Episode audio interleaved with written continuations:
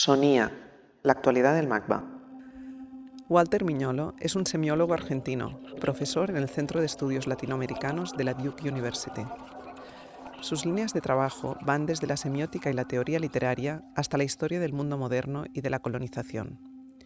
En este último punto ha centrado sus investigaciones más recientes, explorando conceptos como la colonialidad global, la geopolítica del conocimiento o la pluriversalidad. Entre sus últimas publicaciones destacan la idea de América Latina, el lado oscuro de la modernidad occidental y la monografía titulada Desobediencia epistémica, que recoge algunos de sus artículos más recientes.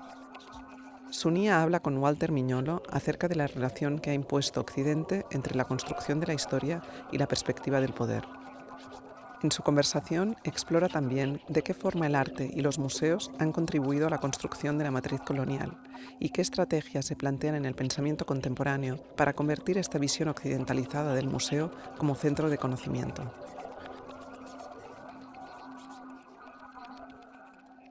La historia contra las historias. Conocemos hoy el concepto de historia que manejamos como todo tiene su tradición en Grecia, pero en eh, en Grecia no era tanto lo que pasó a ser en Roma, como crónica e historia, sino que era más bien como hoy es la antropología. La historia se va constituyendo como un concepto más que regional. ¿no? Entonces, poco a poco del Renacimiento, pasando por el siglo XVIII, y bueno, llega Hegel, este es un momento crucial, Hegel ya cuenta la historia de Europa como si fuera la historia universal, ¿no? es decir, cuenta la historia del, comienzo del Estado en China, ¿eh? sigue por India, Persia, etcétera, y llega a Europa.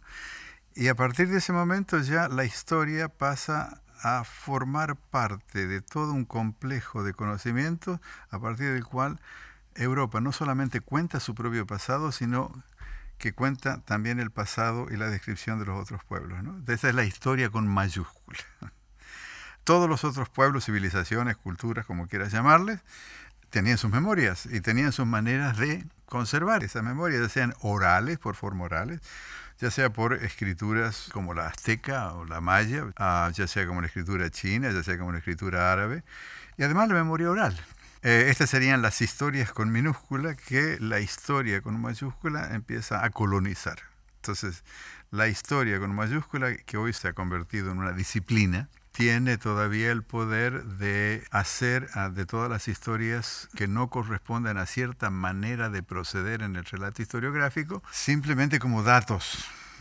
Ah, y la perspectiva de colonial en este momento es rebajar a su justo medio, a su justo lugar, el concepto de historia. O sea que eh, Occidente tiene el derecho, como toda otra civilización, de tener su propia memoria y su propia historia, pero no tiene el derecho, ningún derecho, de contar la historia de los otros como la única voz autorizada para contar esa historia.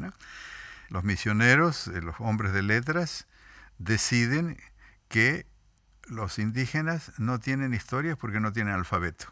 Y entonces, como los indios no tienen historia porque no tienen alfabeto, los misioneros y los hombres de letras se apuntan ellos mismos para contar la historia que ellos no tenían. Ese, es el momento que después empieza a repetirse en relación a otras culturas. Historia y poder.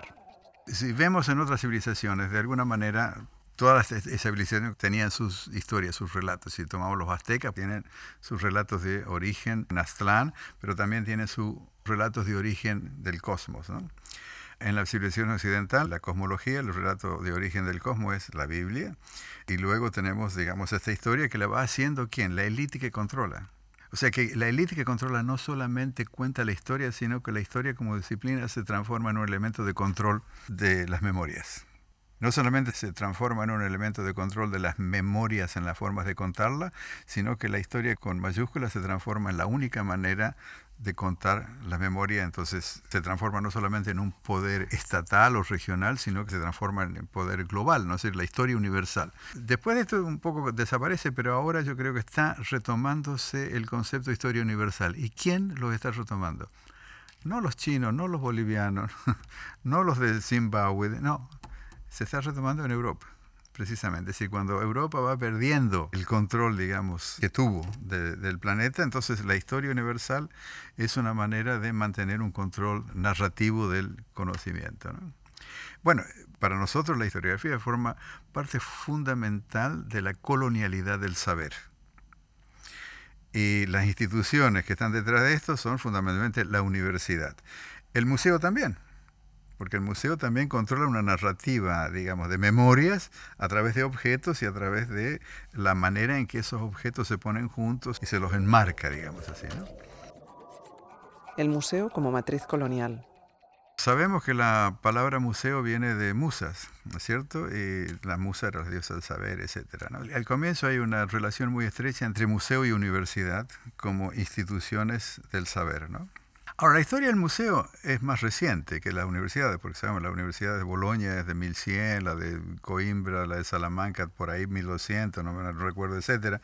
Lo que precede al museo son los cabinets de curiosité, ¿cierto? ¿Y qué son los cabinets de curiosité? Los cabinets de curiosité, a alguien se le ocurre en este momento, no, sé a quién, en Europa, de juntar cosas y meterlas en esta cabinet donde había de todo, ¿no? Pero a medida que Europa se expande por América y luego empieza ya a principios del 17 con el ah, Dutch Indies Company, después de British Indies Company, empiezan a traerse a Europa curiosidades de otras partes del mundo. Entonces, eh, digamos, el gabinete de curiosidad se, abarrota de cosas, entonces empieza a gestarse el museo, pero lo que hoy se llama el museo etnográfico, el museo etnológico. Y en ese momento se da la división muy importante entre el Museo Etnográfico, también el Museo de Ciencia Natural y el Museo de Arte. El arte, como la historia, controla una determinada concepción de producción de objetos y del valor que tienen ciertos objetos producidos. Y el resto es o historia natural, donde aparecen los animales, pero también los manuscritos chinos, los, libros, y el museo etnográfico. Entonces, desde el punto de vista de colonial, lo que nosotros decíamos, bueno, lo que pasa es que los museos de arte son la etnografía de Europa. El arte, como la historia, se convirtió en una medida, digamos así, de juzgar y valorar objetos y actividades creativas de otras culturas. Bueno, entonces lo que estamos hablando en última instancia es que la historia, la universidad el museo son formas bien explícitas de la colonialidad del saber. ¿Y qué es la colonialidad del saber? La colonia del saber es decir que mi saber es el que cuenta.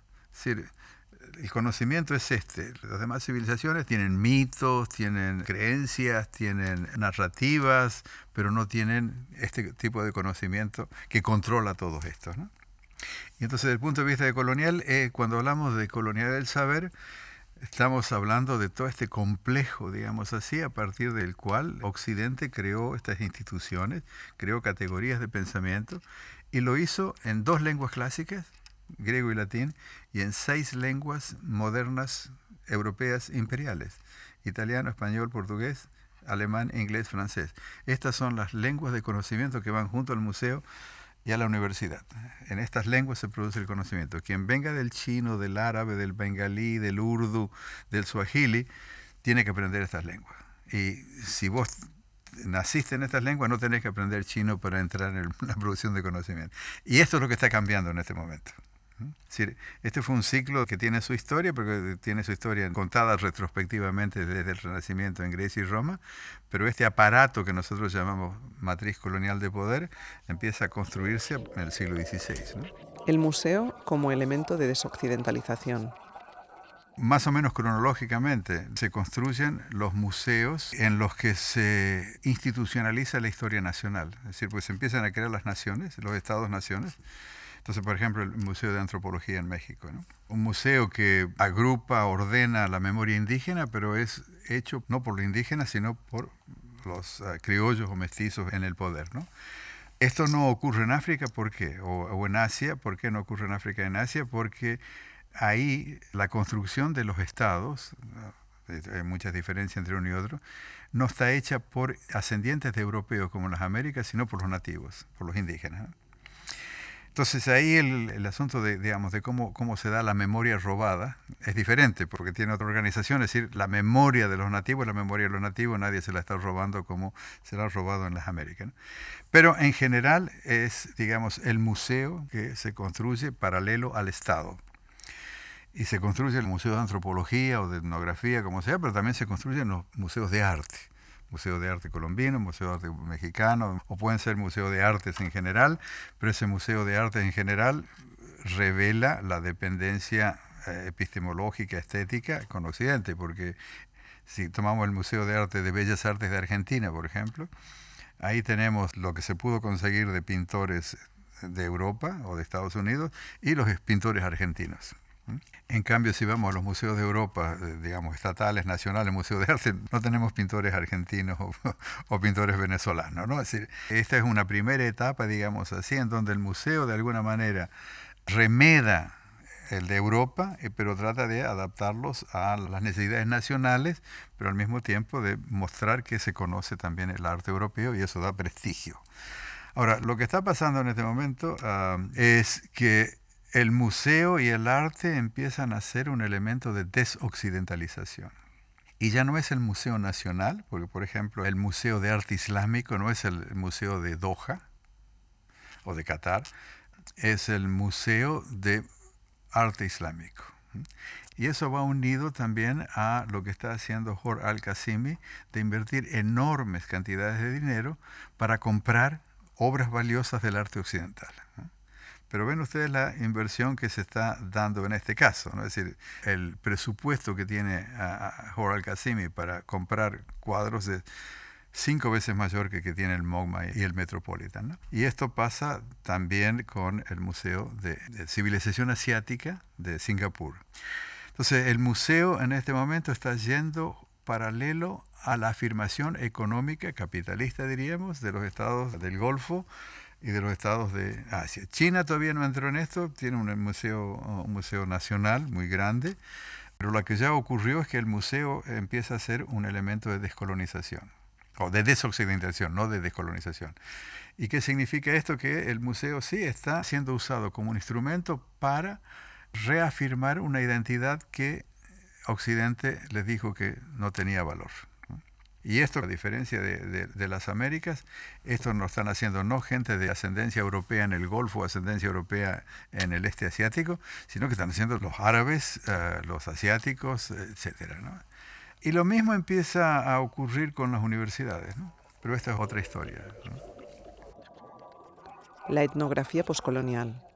La cuestión identitaria es una cuestión de afirmación del poder. Es decir, bueno, ya se está hablando, hay un libro muy interesante que se llama The Tribal Modern y la construcción de la nacionalidad en el Golfo. Entonces, toda esta cuestión es, es absolutamente una construcción, pero lo interesante aquí es que estas sumas enormes de dinero no se utilizan como comprar arte para invertir en el sentido, digamos, financiero. ¿no? Sino para afirmar doblemente, es decir, afirmar una identidad del poder, diciendo, bueno, ¿por qué nosotros tenemos que ir a París a ver obras de arte europeas? Y esto es un potencial enorme, porque ellos reconocen el arte islámico junto al arte europeo. Pero esto nos permite al mismo tiempo eh, comprender que, ah, bueno, pero entonces, si ellos están comprando esto, están haciendo lo mismo que hicieron los europeos, entonces el arte europeo es la etnografía de Europa.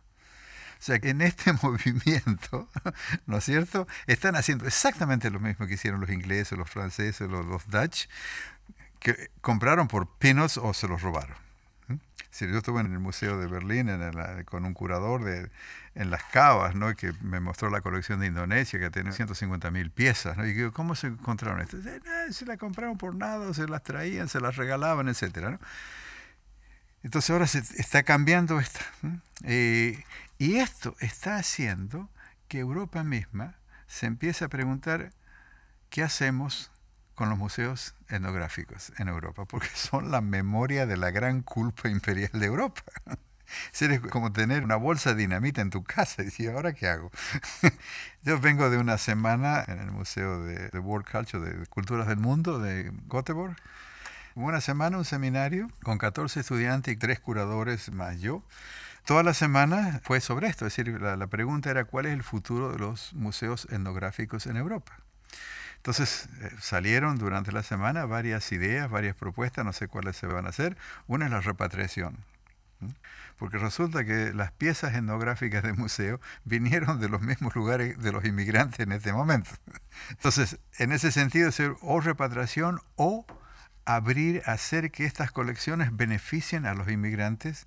Por ejemplo, hay una colección Niño Corín, que se la compró un tal Wessel, uh, un sueco, uh, en los años 70, por no sé cuántos, 10 mil dólares, una cosa así. Eh, una colección de eh, antigüedades eh, maya, quechua, inca, etc. bueno, un informe, se hizo un informe de qué hacer, porque los bolivianos pedían la repatriación. Pero al mismo tiempo el museo decía, bueno, sí, está bien la repatriación, pero ¿qué tipo de peleas y qué destino va a tener esto? Y entonces lo que resultó es esto, es decir, hacer del niño Corín una colección que coadyuve a los bolivianos y a los latinoamericanos que están aquí a encontrarse con partes, elementos de su cultura, ¿no? Entonces esto podría ser, la repatriación es una, la, la, cuestión, la otra es, digamos, ponerla a la disponibilidad de los argumentos de los inmigrantes. La tercera es qué tipo de exhibiciones podemos hacer con estos elementos que contribuyan a descolonizar el museo. Y esto fue lo que eh, evidentemente más, eh, más, más agarró, porque eh, todos los participantes eran curadores. ¿no? Y esto es muy importante también porque la pregunta es, bueno, ¿cómo descolonizamos en Europa? Bueno, esta es una de las maneras. Es decir, no se descoloniza de la misma manera porque la memoria de los europeos no es la misma memoria que de los hindúes o de los pakistaníes. Pero llegamos a un momento en que el problema de la colonialidad nos afecta a todos. Entonces, nos afecta de distinta manera en el ex tercer mundo que nos afecta en el primer mundo y bueno, tenemos distintas memorias, tenemos distintas pieles, tenemos distintas maneras de sentir, distintas maneras de pensar, pero la cuestión es cómo trabajar juntos en este, eh, lo que decimos, desengancharnos de la matriz colonial de poder en varios sectores, universidad, museos. Etc. Vencer la modernidad. Lo que estamos viendo nosotros es que no es una vuelta a la modernidad. Primero porque la modernidad no es una ontología histórica. La modernidad es una ficción es una ficción, un relato de Europa. Entonces, ahora ellos están viendo que lo que está pasando en Shanghái, o en, China, en Hong Kong, en Singapur, yo estuve seis meses en Hong Kong y en la mitad vine a Europa. Cuando volví, y entonces lo dije, incluso lo escribí en mi blog, lo que está pasando ahora es que Europa es la tradición de su propia idea de modernidad. En ese sentido, sí puede, pero no es que hay un regreso a la modernidad, sino que la idea de modernidad asociada al, digamos, al progreso tecnológico, edilicio, etc., evidentemente está allí. Pero está allí ya no como modernidad, sino como desoccidentalización. Y esta es la perspectiva que tienen ellos, ¿no? Decir, algunos también hablan de modernidad, de ser moderno, etc. Pero la cuestión de la confrontación con Occidente, de no querer ser Occidente, hay siempre pro-occidental en todas partes, pero la, la, tendencia, digamos, la tendencia estatal fundamentalmente, pero también la tendencia de, intelectuales, artistas, etcétera, tenemos que hacer ya cosas que no dependan del eurocentrismo, del globalcentrismo. Es un poco como Colón, ¿no? La única manera en que Colón podía dar sentido a lo que estaba viendo era a partir de lo que conocía. Entonces, bueno, los europeos lo mismo, es decir, lo que conocen las modernidades, entonces ahí está la pero como los chinos o los, singapurenses, los indonesios, no conocieron esa modernidad, ¿qué quiere decir esto? Es decir, es otro horizonte que se está abriendo y por eso para mí el concepto de desoccidentalización, que es capitalista y que tiene todos los mismos problemas del capitalismo occidental, pero políticamente, tanto en la política económica como en la política cultural, ¿eh? de los museos, de las bienales, es otra cosa. Esto se puede entender a partir de Bandung, siempre digo, ¿no? Porque Bandung, que era un proyecto estatal, la visión era ni capitalismo ni comunismo, desoccidentalización. No se sabía muy bien lo que era, pero era algo que no era la tercera posición como Giddens, que era una mezcla de los dos, no era algo distinto. Ahora no podemos hablar de capitalismo frente a comunismo, sino que tenemos que hablar de una economía global capitalista pero distintas memorias, pieles, formas de sentir que se manifiestan en políticas, políticas estatales, políticas culturales. La negación de las políticas identitarias europeas. El socialismo fracasó. Es decir, el socialismo existente, como se dice. ¿Por qué fracasó? Bueno, por muchas razones, la cosa es muy compleja, pero fracasó porque la visión, digamos, liberal del capitalismo tocó, pegó con tendencias, digamos, de la sociedad, de los seres humanos en las sociedades, que es alimentar sus deseos, ¿no? Alimentar sus deseos y después controlarlo por la alimentación de sus deseos. El socialismo falló porque quiso controlar todo, ¿no? Entonces, no, la gente no quiere ser controlada. Y el gran triunfo del capitalismo fue precisamente eso, es decir, alimentar los deseos y luego controlar a través de los deseos. Deng Xiaoping se dio cuenta de esto. Lee Kuan Yew se había dado cuenta antes. Entonces, no es para mí una paradoja. Es decir, por ejemplo, estoy hablando de economía política y, políticas culturales.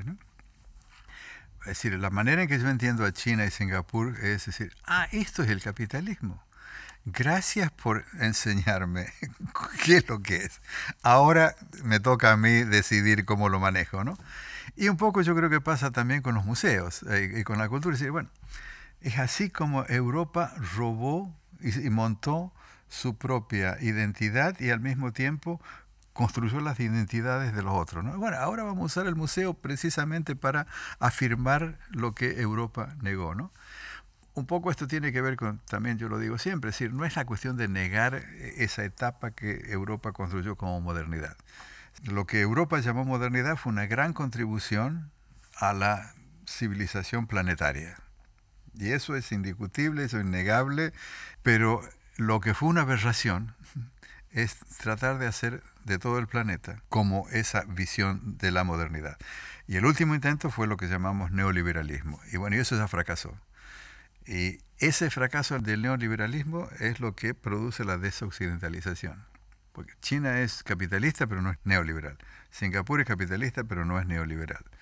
Y esto para mí no es paradoja, sino que es haberse dado cuenta que la manera de independizarnos de Occidente es a través de la economía capitalista y de las instituciones que él ha creado. ¿no? Es decir, un poco robarse eh, para beneficio propio. Descolonizar la estética. La palabra estética tiene dos vertientes, ¿no? Una que es la teoría de los sentimientos, algo así diría yo, es decir, uh, estesis como, como sensing, ¿no? Como sentidos, como eh, sensaciones, ¿no? lo corporal en última instancia, como decimos hoy, ¿no?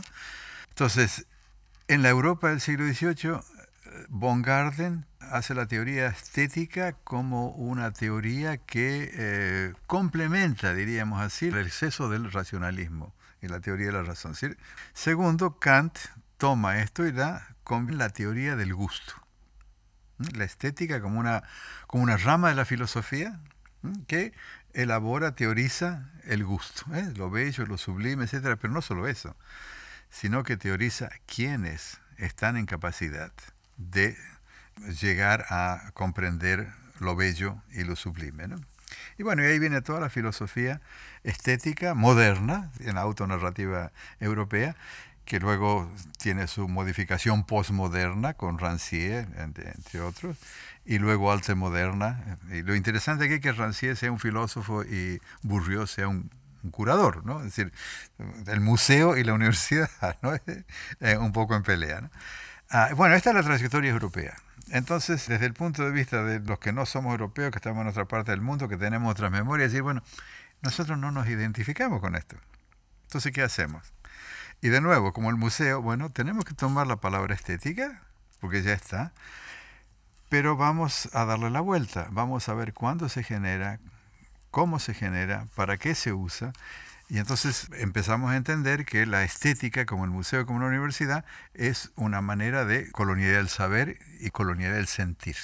Entonces, ¿cómo retomamos la estética para hablar de estéticas descoloniales, para descolonizar, como decimos, descolonizar la estética kantiana, bungordiana, para liberar la estesis, o sea, para liberar lo que la estética colonizó.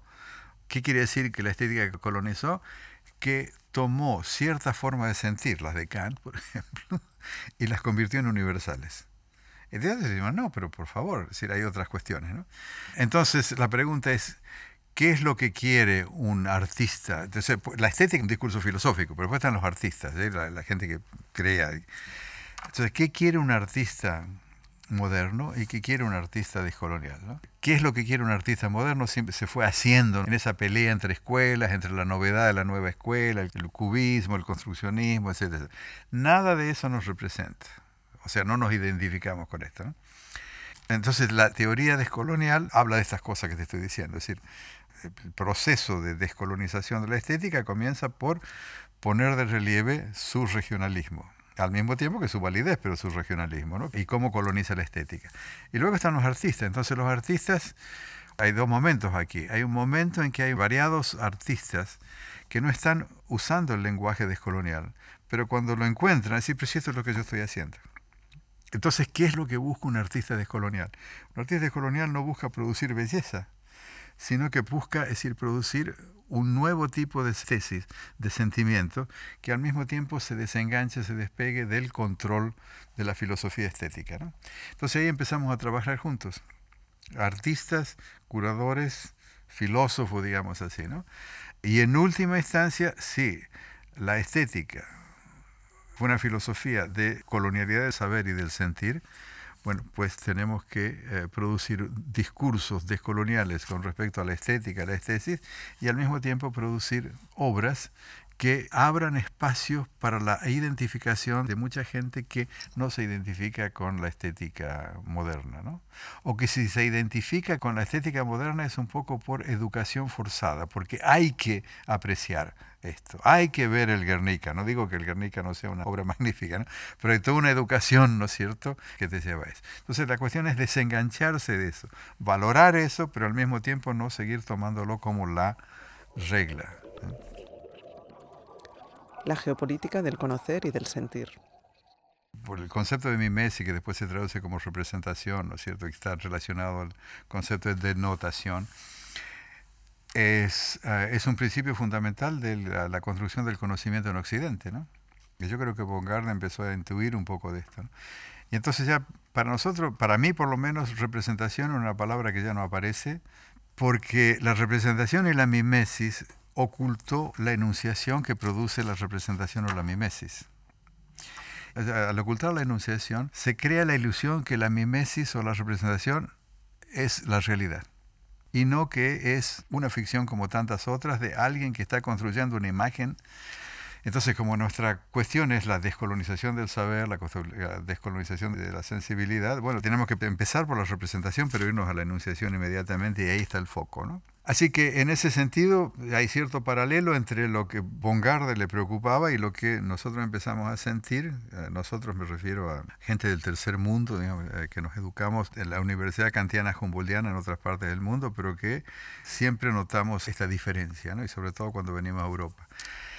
Y por ahí va la cuestión, ¿no? Es decir, escaparnos a otra manera de concebir el conocimiento y relacionarnos con, eh, con el conocimiento, ¿no? Es decir, no es que en Europa no se hayan visto estas cosas, es decir, pero la, cuestión es que se ven dentro de un horizonte europeo y no puede ser de otra manera, ¿no? La escuela de Frankfurt, por ejemplo, ¿no? Es decir, la, escuela de Frankfurt ya está diciendo una cosa que para nosotros es muy importante, porque dice Horkheimer en eh, teoría tradicional y teoría crítica bueno, critica esta racionalidad donde hay un objeto conocido y un sujeto conocente. Y entonces Horkheimer dice, bueno, no, el, objeto es construido por el sujeto conocente. Y ahí nosotros estamos de acuerdo.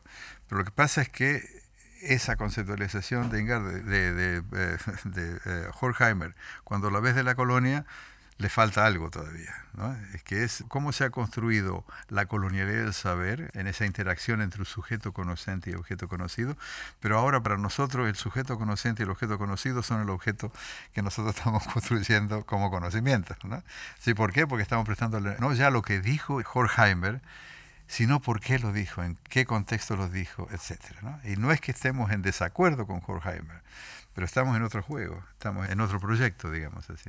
Pero lo que es eh, fundamental para nosotros en esto es, bueno, lo que llamamos geopolítica del conocer y del sentir. Porque uno de los ejemplos que doy para enfatizar la perspectiva descolonial es la de Hatibi, el filósofo marroquí, que dice, cuando Nietzsche eh, critica el cristianismo, yo aplaudo, pero yo soy musulmán, entonces mi problema con el cristianismo no es el de Nietzsche, es otro. Entonces, cuando yo leo a Horkheimer, yo lo aplaudo, pero mi problema es otro. ¿no? yo no soy un judío alemán, sino que soy un hijo de inmigrante italiano en el tercer mundo. Y ahí es donde estamos rebajando la historia a historia, y entonces aparecen varias historias geopolíticamente construidas. Ahora, la cuestión es que la historia de Europa no se cuenta en relación a otras historias. Pero las otras historias del mundo inescapablemente tienen que construirse en relación a la historia de Europa. Ya no se puede construir la historia de China hasta la guerra del opio. Ya ni siquiera eso, porque a partir de la guerra del opio ya ha cambiado toda la mentalidad, la concepción, la manera de ver. Ya no se puede volver a conocer los aztecas como se conocieron ellos mismos. Entonces ahí las historias no europeas no pueden evitar contarse sin contar la historia de Europa. magba.cat